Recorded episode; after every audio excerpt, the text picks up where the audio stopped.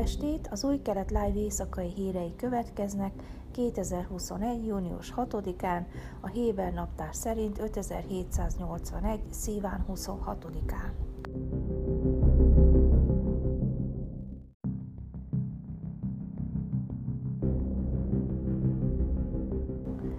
Szabadon engedték az Al Jazeera egyik vezető újságíróját néhány órával azt követően, hogy határrendőrök szombaton egy tüntetésen őrizetbe vették Kelet-Jeruzsálem Sajjára negyedében, ahol sajtófeliratú védőmellét viselt. Az újságíró egyik karja eltört, és vasárnap bent tartották megfigyelésre a Jeruzsálemi Hadassah kórházban, közölte az Al Jazeera Jeruzsálemi irodájának vezetője. Míg a rendőrség azt állítja, hogy azért vették őrizetbe az újságírót, mert bántalmazta őket, szemtanúk szerint vitába keveredett a rendőrökkel, akik megpróbálták eltávolítani a helyszínről, mert nem volt nála sajtóigazolvány. Az elmúlt hétvégeken a palesztinok tüntetéseket rendeztek Sájdzsárában a palesztin családok tervezett kilakoltatása ellen. A szombati tüntetések pontján a rendőrség ellenőrizte az újságírók engedélyeit. Az Al Jazeera Jeruzsálemi veterán tudósítójánál, aki egyébként rendelkezik az izraeli sajtóiroda engedélyeivel, akkor nem voltak a szükséges dokumentumok.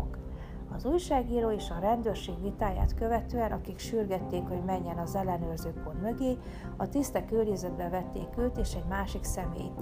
A letartóztatás során az újságíró elesett és eltört a kamerája. A rendőrség, amely több tucat személy tüntetése során a rend fenntartásáról gondoskodott Sáj Dzsárákban, letartóztatott egy nőt és egy férfit, akik a tüntetés feloszlatása során nem voltak hajlandók azonosítani magukat, és a helyszínen fizikailag bántalmazták a tiszteket, közölte a rendőrség szombaton.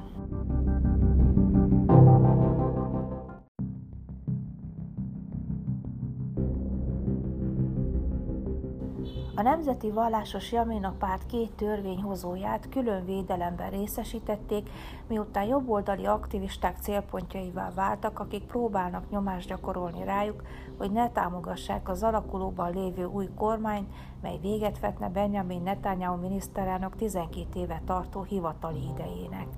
A Knesset Gárda vasárnap úgy döntött, hogy fokozza Edith Szilmán és Nir Orbach képviselők biztonságát. A hét jaminás képviselőből eddig négy kapott extra védelmet az új kormány bejelentése óta. A párt vezetője Naftali Bennett és helyettese Ayelet Shaked védelmét még múlt héten fokozták. Szélman reggel a biztonsága megerősítését kérte, mondván, hogy aktivisták követik. Gyermekeit is kivette az iskolából az ellene indított támadások miatt.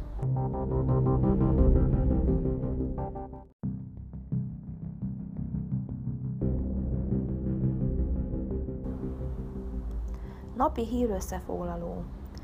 A vallásos cionista Naftali Bennett miniszterelnök jelölt vezetésével múlt héten szerdán bejelentett rotációs változás kormány megalakulása ellen Netanyahu párti és a Bennettel rivalizáló Bezalel Smotrich által mozgósított telepes tüntetők nyomása ellenére a szombat este közétett felmérések szerint a többség inkább támogatja az új kormányt, mint egy újabb, vagyis két éven belüli ötödik választást.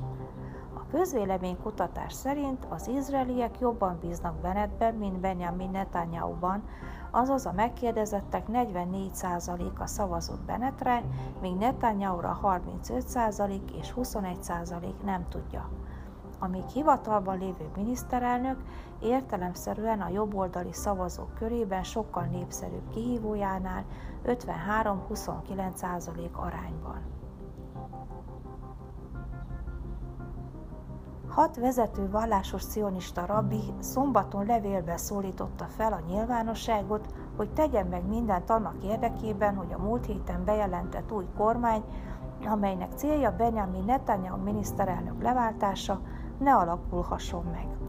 Ez a kormány teljesen ellentmond a nép akaratának, amelyet a legutóbbi választásokon egyértelműen megfogalmaztak. Áll a közleményben, amelyet Haim Druckmann, Shlomo Aviner, Shmuel Eliyahu, Yitzhak Ben Shahar, David Haiha Kohen és Eliezer Waldmar rabbik írtak alá.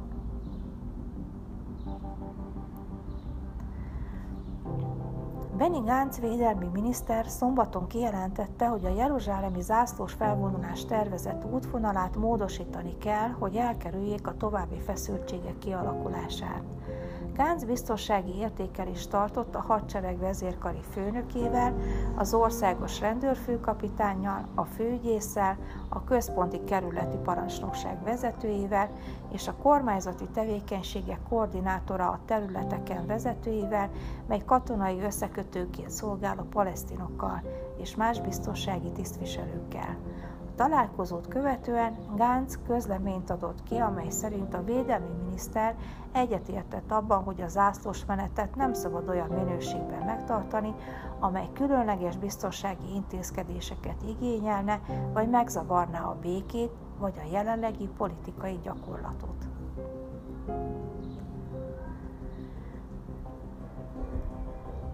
Hat izraeli F-35-ös Adér lopakodó vadászgép landolt a múlt héten Olaszországban, hogy részt vegyen a Falcon Strike 2021 kéthetes légi gyakorlaton az olasz, az amerikai és a brit légierővel, közölte az izraeli védelmi erők vasárnap.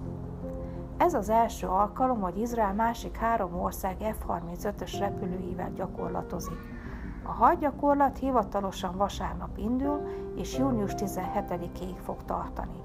Az F-35-ös repülőgépek mellett amerikai F-16-os vadászrepülőgépek, az izraeli légierő Gulfstream Eitan felderítő repülőgépe és két Boeing Ream légi utántöltő, egy olasz KC-767 légi utántöltő, egy olasz KC-130J légi utántöltő, egy olasz Gulfstream Eitan felderítő repülő és egy brit Voyager A330 légi utántöltő repülőgép is részt vesz a gyakorlaton.